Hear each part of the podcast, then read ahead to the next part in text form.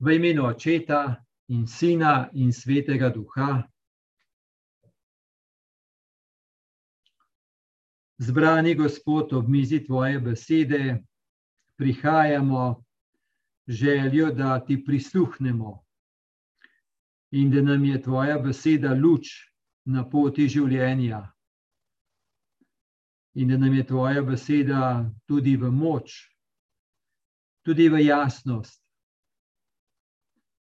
Se zavedamo, da je Tvoja beseda res pomembna in da je to druženje s Teboj, kot tako poslušamo. Te prosimo, naj tudi to srečanje k temu pomaga, naj bodo naša srca odprta, da moramo zaznati svetega duha. Sveti duh, posveti nas, napolnjuj naša srca z gorečim krepenjem po resnici, poti in polnem življenju. Užgi v nas svoj ogen, da ob njem tudi sami postanemo luč, ki sveti, greje in to laži. Našim okornim jezikom pomagaj najti besede, ki bodo govorili o tvoji ljubezni in lepoti preustvari nas, da postanemo ljudje ljubezni, tvoji svetniki, vidne Božje besede. Tako bomo obnovili obliče zemlje in vse bo na novo ustvarjeno. Pridi, sveti duh, posveti nas, okrepi nas, ostani pri nas. Amen. Najprej prisluhnimo. Je evangeljski odlomek, um, je 26. nedelja med letom, odlomek je pa Luka 16, od 19 do 31. Tisti čas je Jezus rekel: Bil je bogatin, ki se je oblačil v škrlat in tančico, ter se je dan na dan sjajno gostil. In bil je neki revež po imenu Lazar, ki je ležal pri njegovih uratih, poln čirov, in se je želel nasititi s tem, kar je padalo z bogatinove mize. Pa tudi psi so prihajali in mu lizali čire.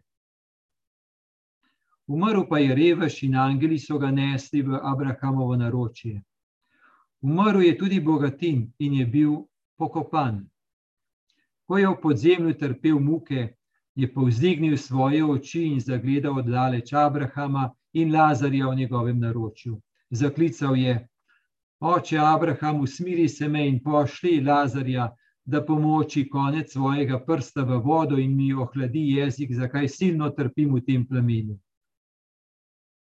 Abraham pa je rekel: Sin, spomni se, da si prejel dobro v svojem življenju in prav tako Lazar hudo zdaj se tukaj veseli, ti pa trpiš.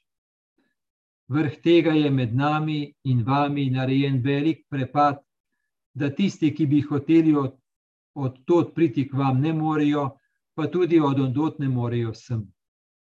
In rekel je: Prosim te, torej, oče, da ga pošlješ v hišo mojega očeta. Imam namreč pet bratov in te naj posvari, da tudi oni ne pridejo v ta kraj trpljenja. Abraham pa reče: Imajo Mojzesa in preroke, te naj poslušajo. Leta pa je odgovoril: Ne, oče Abraham, temveč ako pojde od njih kdo, ako pojde do njih kdo izmed vrt, mrtvih, se bodo spokorili. Rekel pa mu je: Ako ne poslušajo Mojzesa in prerokov, ne bodo verjeli, tudi če kdo od mrtvih ustane.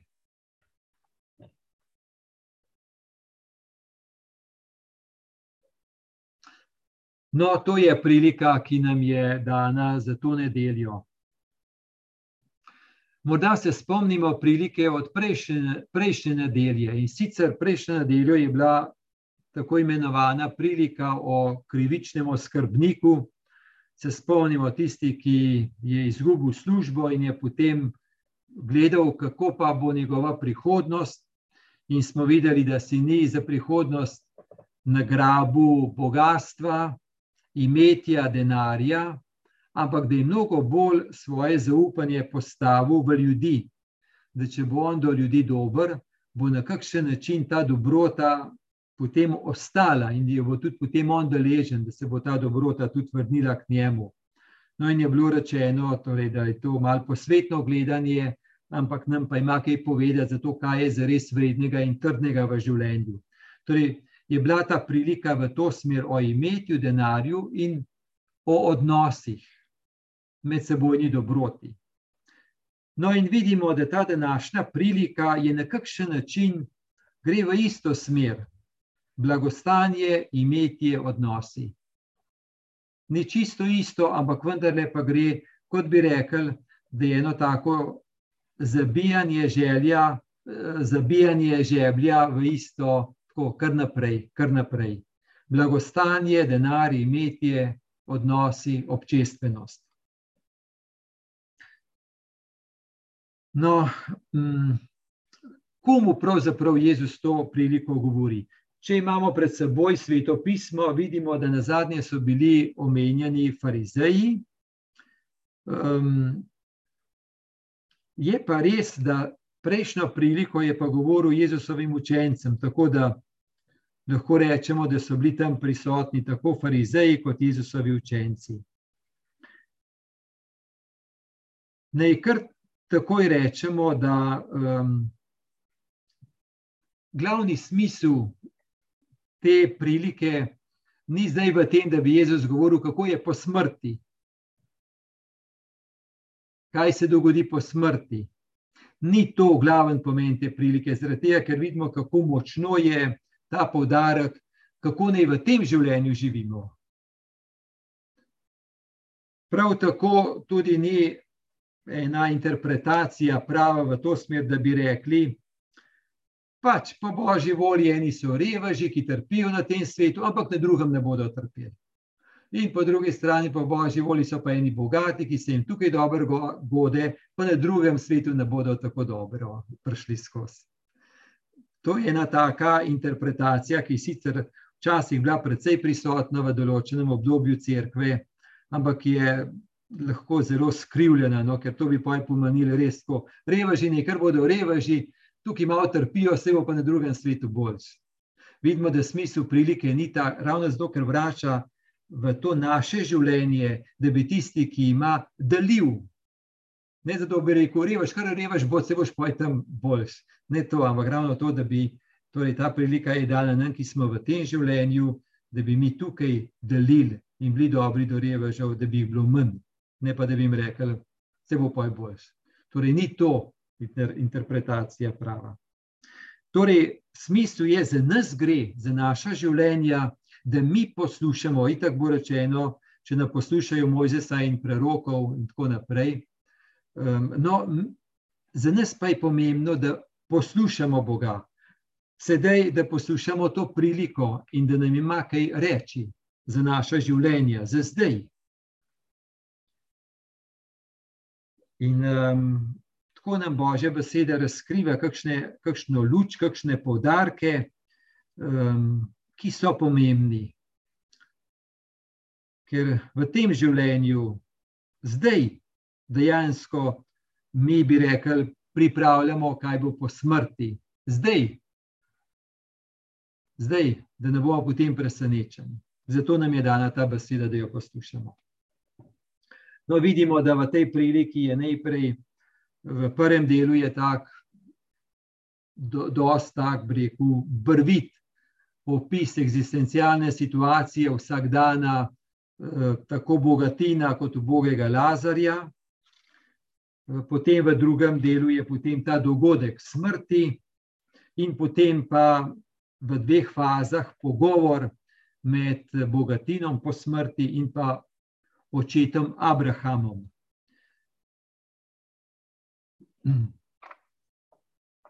Tako začne. Bil je bogatin, ki se je oblačil v škrlat in tančico, ter se dan na dan sijajno gostil. In bil je neki revež po imenu Lazar, ki je ležal pri njegovih kratih, poven čirov in se je želel nasititi s tem, kar je padalo z bogatinove mize, pa tudi psi so prihajali in mu lizali čire. Torej, ta bogatin pravi, se je dobro oblačil, sjajna oblačila je imel in se sjajno gostil. Torej, eno in drugo je v svetem pismu eh, prisotno, torej dobra obleka, lepa obleka, pa potem tudi gostija. Ni to prikazano v svetem pismu kot nekaj negativnega, ampak bolj kot znamenje božje obdarovanosti, božje darov, božjega blagoslova. Torej, da je ta človek bil ogromno od Boga blagoslovljen, da je imel ogromno darov. Torej, obleka, gostija. Tudi iz tega, da je, kot je napisano, ne moramo, zaključ, ne moramo dati ene moralne sodbe, da je bil on slab in grd. Ne vemo, ne? lahko da je to bogatstvo, torej nikjer ni rečeno, da bi to bogatstvo na grd način dobil, na nepošten, nepošten način dobil lahko da je trdno delal za to, lahko da je bila dediščina, ne moramo reči. Ne? Um, lahko da je vse res pošteno, da bi edino dejstvo je, torej, da je bil bogat, da je bil zelo obdarjen, ogromno blagoslova imel, um, ampak očitno pa se je v tem pustu ujet in ni videl onkraj tega. No, potem je pa tukaj ta revež, po imenu Lazar. Vidimo, da ima ime, res zanimivo, bogati nima imena. Bog ima ime. Torej, ali ima nekdo ime ali ne, to pomeni nekaj. Ne? Se pravi, bogatin, ki nima imena, je nekaj bolj tako rekel, mm, bi rekla, morfnega, brezobličnega, tako kar nekaj bolj razlezenega. Medtem ko pa Lazar pa ima ime, pomeni eno vsebino, eno identiteto, ker to pomeni ime v svetem pismu. Torej, bi rekli, ima eno globoko osebnost. Tudi za tega reveža ne moramo dati moralne sodbe. A je bil ena sirota, a je vse svoje življenje zapravil in je zato tako končal, ne vemo. Torej, niti za enega, niti za drugega ne moramo reči ene moralne sodbe, edino da je ta situacija. Gotovo pa, ko mi beremo situacijo tega, pravi tega reveža, ležal je pri vratih poln čirov, želel se je nasititi s tem, kar je padalo z bogatinove mize, pa očitno ni dobil. Pa tudi psi so prihajali in mu lezali čire. To, ko to beremo, to situacijo, je res, je, je res v Boga. Torej, to njegovo življenje je bilo res ena zelo klavrna eksistenca in um, očitno se ni mogel zanesti na žrza kot na to, da bo na, ta, na kakšen način se kakšna ljubezen po kakšnem človeku do njega sklonila.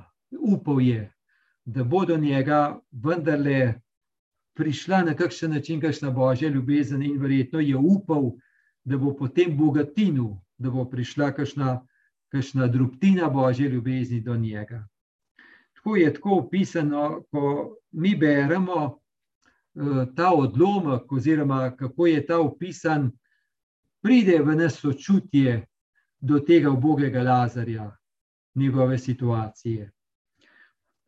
Očitno pa, da um, ta bogatin, pa kakšnega sočutja, sočutenja s tem ubogim Lazarjem, pa da ni imel. Ker če je ležal tam pri vratih, se lahko predstavljamo, da vendarle, da je ležal nekje pri glavnem vhodu in da tam je gotovo ta bogatin šel noter, pa ven in ga videl. Ampak da bi ga toliko videl, da bi se to dotaknilo njegovega srca in njegovega življenja, to pa ne. Torej, s telesnimi očmi, verjetno je videl, ampak to je nekaj pomagajo telesne oči, če pa nekaj bolj globoko v nas ne prodre, v našo notranjost, v naše življenje, v naše dejanja, v naše odločitve, v naše vrednotenja. Torej, ni dovolj videti za zunanjimi očmi. Torej, ta bogatin, kolikor je bil obdarovan, je imel ogromno nečesa, ampak zgleda, da je bil tako samo zadovoljen z vsem tem svojim imetjem, ugodjem, da mu je dobro šlo, da se je dobro gostil. Obleka je tudi v svetem pismu marsikdaj kot ena vloga, ena pomembna vloga, da jo je imel v družbi. To se pravi, on je bil tako nekako ujet v to svojo, torej v ta svoj življenjski stil, in bil v tem zadovoljen, da nekako sploh ni vedel, da je kaj več od tega, da je naprimer odnos več od tega, da je bližnji več kot biti sam v svojem ugodju, pa zadovoljstvu. Očitno ga je to tako zapolnjevalo, da, ni, da ga ni več gnal onkraj tega. To se pravi, vse to njegovo blagostanje dejansko je bila ena past, ki ga je držala ujetega v samem sebi. Tako da je včasih res, da če človeku preveč dobro gre, ga lahko prav to je ena past, da je človek ujet v, v sebi in se ne odpre, ne vidi bližnjega. To je res ena skrivnost, kako smo narejeni. Kje živimo, iz česa živimo, zakaj živimo, za koga živimo, koga spustimo blizu, komu se približamo, koga vključimo. No, gremo sedaj naprej. Sedaj pa je nastopila smrt. Tako pravi, umrl pa je revež, in je dodano, angeli so ga nesli v Abrahamovo naročje. Umrl je tudi bogatin in je bil pokopan. No, in smrt, dejstvo smrti, vsekakor pride za vsakogar, naj si bo, za revnega ali pa bogatega. Včasih rečejo, da je to pravičnost, ki nobeden ne uide, da vsak reven ali pa bogat, da to sreča, da gre skozi vrata smrti. In ta vrata so tako zelo oska, vsakdo gre sam osebno skozi ta vrata, sam osebno skozi ta vrata in tako oska so, da človek kakšne lasnine ali pa kakšnih posebnih titlov ne more ne s seboj, tako oska so vrata. Papež Frančišek včasih reče, da mrtvaški prt nima žepov, da bi v žepih bile kakšne denarnice ali bančne kartice, da bi pomagale na drugi strani. Ni. No, smrt je tudi en, en trenutek, ehm, torej, ali pa bi rekel, do smrti, ko, ko je človek še v eni taki svobodi, lahko usmerja svoje življenje. Ob smrti, na smrtni posteli, ali pa po smrti, na smrtni posteli, takrat pa človek pogleda nazaj svoje življenje. Kakšno je bilo, kam je šlo, za koga je šlo, kje se je gibalo, kje se je napajalo in kam je šlo. Torej, reven ali pa bogat, vsakdo se enkrat tam znajde. Je pa zanimivo, kako je rečeno, umrl je revež in angeli so ga nesli v Abrahamovo naročje. Torej, Abrahamovo naročje, angeli pomeni, da ta revež Očitno je ta revež v srcu vendarle gojil eno zaupanje, da nekje ga čaka božja ljubezen, ene angelske roke, da čaka nekje Abraham, to se pravi Abraham, ki je oče verujočih.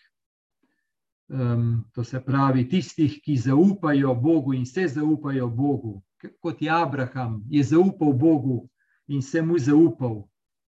To se pravi, je oče tistih, ki svoje temeljno življenjsko zaupanje postavijo v Boga, na to trdno skalo, kateri je torej Bogu, ki mu je vredno zaupati. Je pa res, da ta Lazar, Bogi Lazar, ta revež, očitno je v svojem življenju res dobil, morda sem pa tja, kakšno kakšen žarek božje ljubezni, ampak očitno je pa imel eno upanje in ga je na drugi strani vrat smrti čakalo, torej te roke angelov, pa Abrahamovo naročje. Za bogatina, kako je napisano, umor, umrl je tudi bogatin in je bil pokopan. Tako vidimo, kako um, je tukaj en drugačen izraz.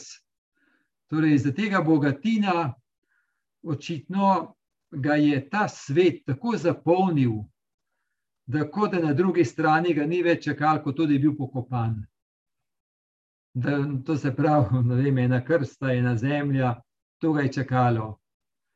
Oziroma, zavit v tistem je bil dan v zemljo, in konec. Tako je močna podoba.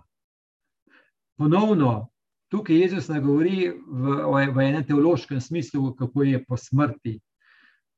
Prav gotovo tudi to ne, da reveži trpijo na tem svetu, tam pa jim bo dobro, bogati pa obratno. Ni to glavna poanta tega, te prilike, prav gotovo ne.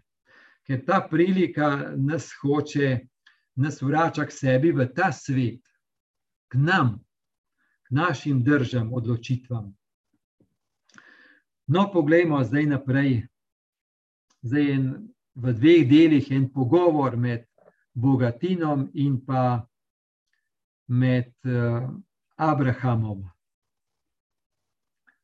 Ko je Bogatin v podzemlju trpel muke, je povzdignil svoje oči in zagledal daleč Abrahama in Lazarja v njegovem naročju. Zaklical je: Oče Abraham, usmili se me in pošli Lazarja, da pomoči konec svojega prsta v vodo in mi ohladi jezik, zakaj silno trpim v tem plamenu. Torej, je tako res slikovito opisano, kaj pomeni trpljenje v podzemlju, torej nekam dol je padel, nekam dol je padel in kako pravi, trpi v plamenu, nekaj ga žge, nekaj ga žge, nekaj ga silno žge. Ko si lahko predstavljamo, kot, kaj pomeni, ko nas znotraj nekaj žge. Um, in ena notranja bolečina, ki peče v notranjosti, v srcu. In tako doživlja ali pa gleda, da bi bilo dovolj, da bi Lazar samo malo svojega prsta pomočil v vodo, pa bi že to bilo dovolj, da bi bila ohlajena ta, ta huda bolečina, ki jo bogatin v podzemlju trpi se pravi, malo pa bi bilo. Ko nas to spominja, kako je prej, kako je Lazar, čist mal, tisto, kar je padlo od bogatinove mize, pa bi bilo že za ubogega Lazarja dovolj. Ampak ni prejel. Ni bilo.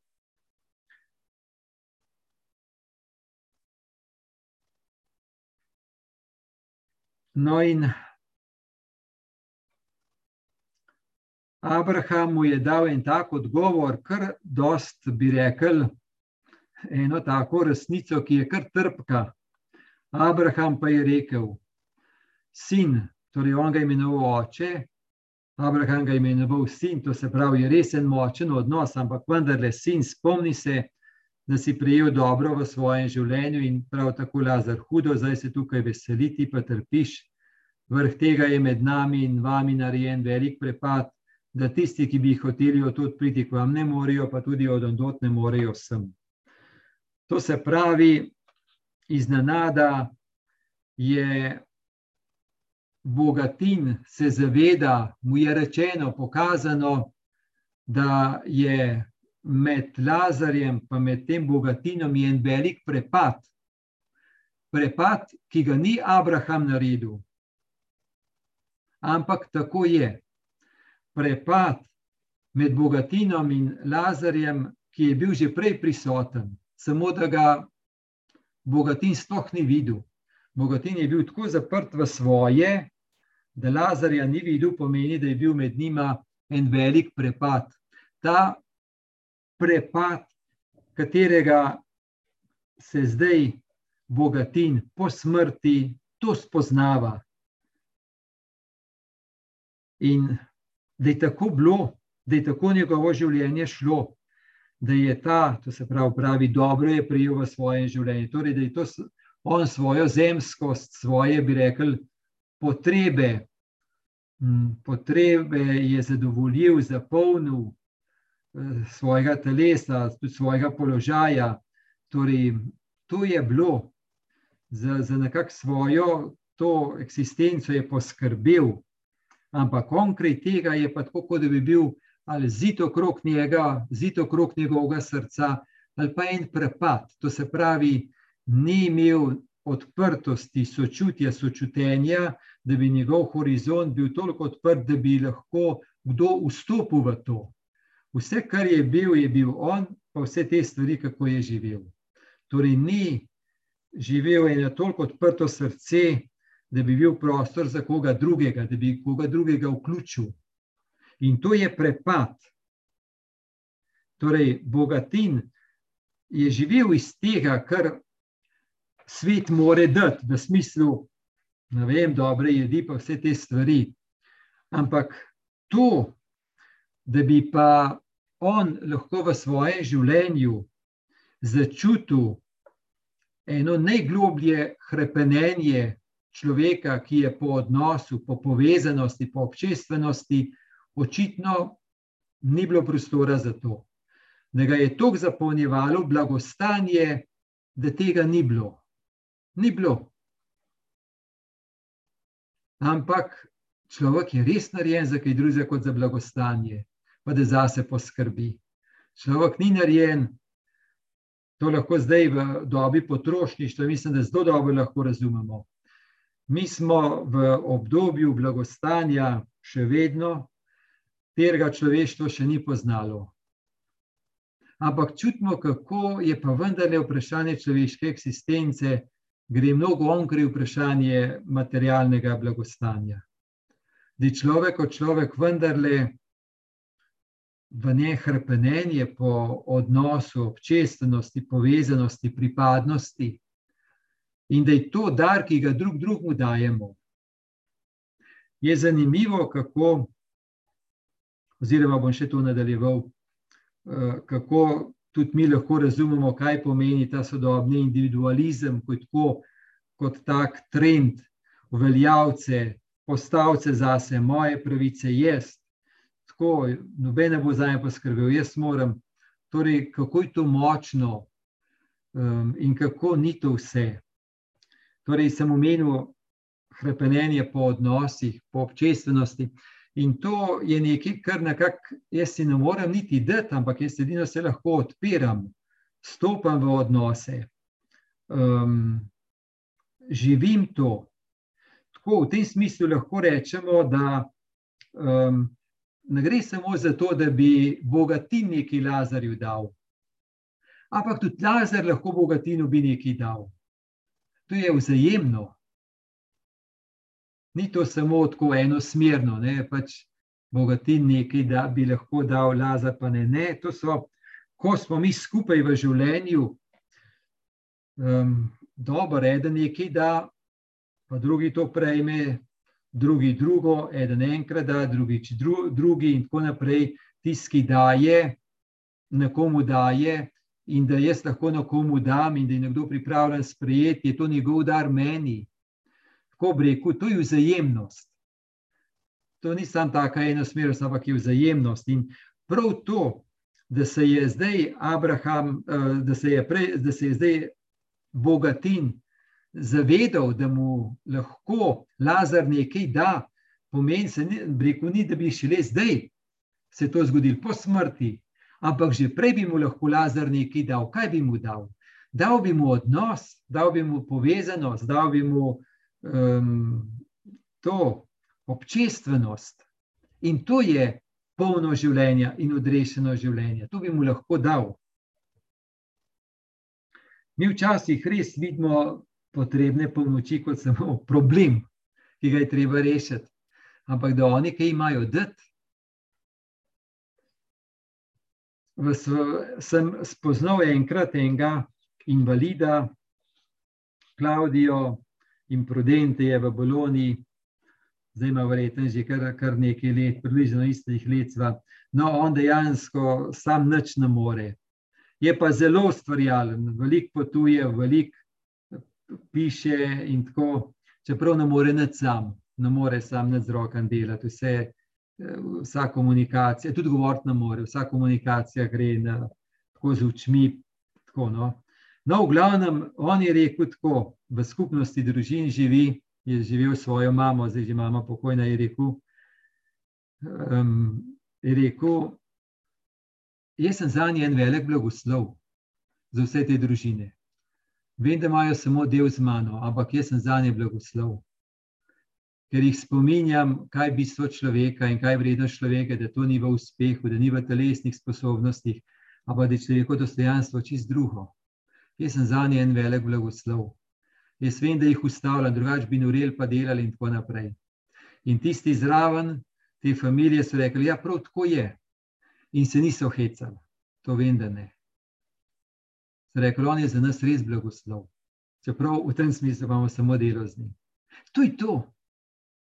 In enkrat je, to je pa iz bolj tega časa, parih let nazaj, je en jezuit, malo starejši, je bil že, je še živ v Mariboru, tak starejši, potreben pomoči, ampak prav to je rekel, je rekel, ja, jaz zdaj res ne morem več delati, jaz sem zdaj potreben vaše pomoči in od vas odvisen.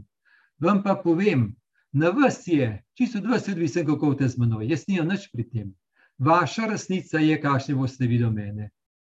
To je pa čisto vaše. Jaz vam sprejel, kot želite, to je vaše tako z eno tako dostojanstvenostjo to rekel, rekel, kot da bi rekel, evo, možnost imate, da ste lahko topli, človeški, dobri do mene. Ampak, če boste. Tako, torej, to, kako smo mi drug drugemu potrebni, ne samo z našimi sposobnostmi, koliko smo sposobni in tako naprej. Ampak tudi, kako smo mi drug drugemu potrebni, vsak s svojim moboštvom, krhkostjo, revnostjo, zato da mi lahko nekdo nekaj da in da tisti, ki da, dejansko prejme od mene ogromno, ker sem pripravljen sprejeti. Če se nam ta vidik ljubezni zamegli, potem smo zelo na površju ljubezni. Pa mislimo, da je ljubezen samo nekaj dati. Ne, tudi sprejeti, pripravljen sprejeti, se vemo, kaj pomeni priznati svojo krhkost in biti pripravljen sprejeti pomoč. Da je to eno veliko zaupanje, ena velika odprtost, morda večja odprtost in večje tveganje, kot pa nekdo, ki nekaj da. Ker daš lahko iz izobilja, če pa ti nimaš nič, pa da se odpreš, pa tega še zelo veliko.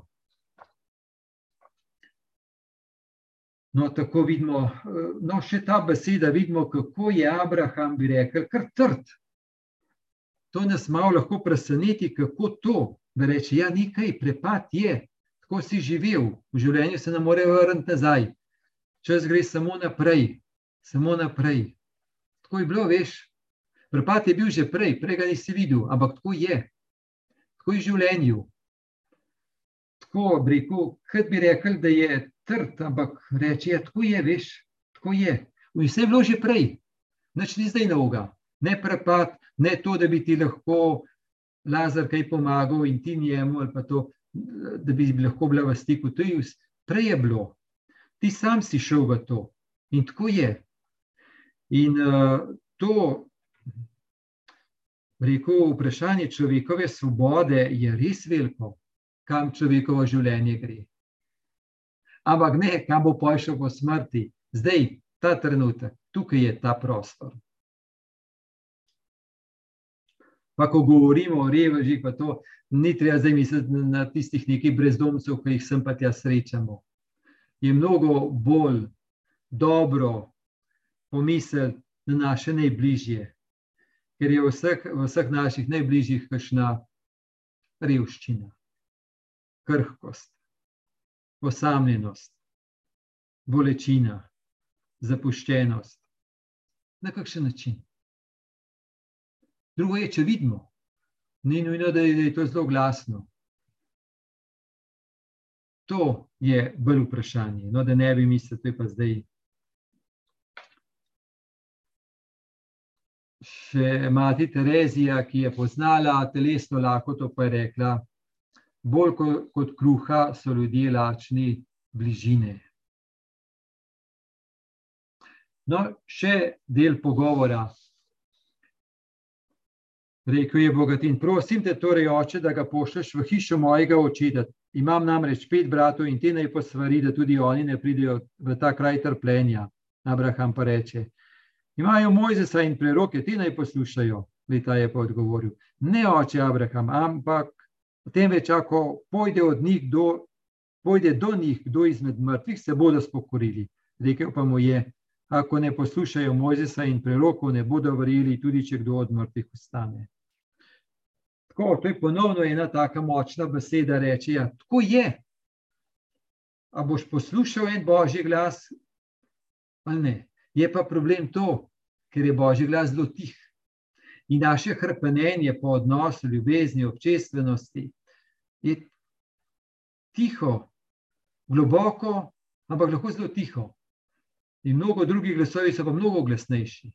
Kaj bo z menoj, ja, bo kaj ali ne bo, moje skrbi, moje načrti in tako naprej, okupirano samimi seboj.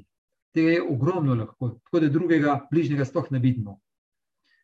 Ampak je pa očitno tukaj nekaj naše svobode. In ta svoboda je kar močno poudarjena.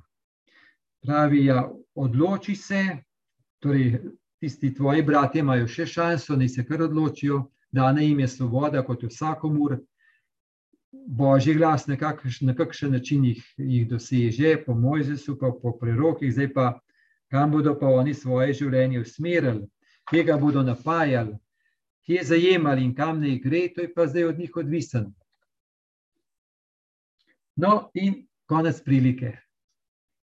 Torej, nas vrača k nam, mi tukaj zdaj živimo. Torej, živimo s kom, za koga, ki zajemamo. Veliko enih glasov je prav gotovo in vsi poznamo, kako nas lahko marsikaj okupira.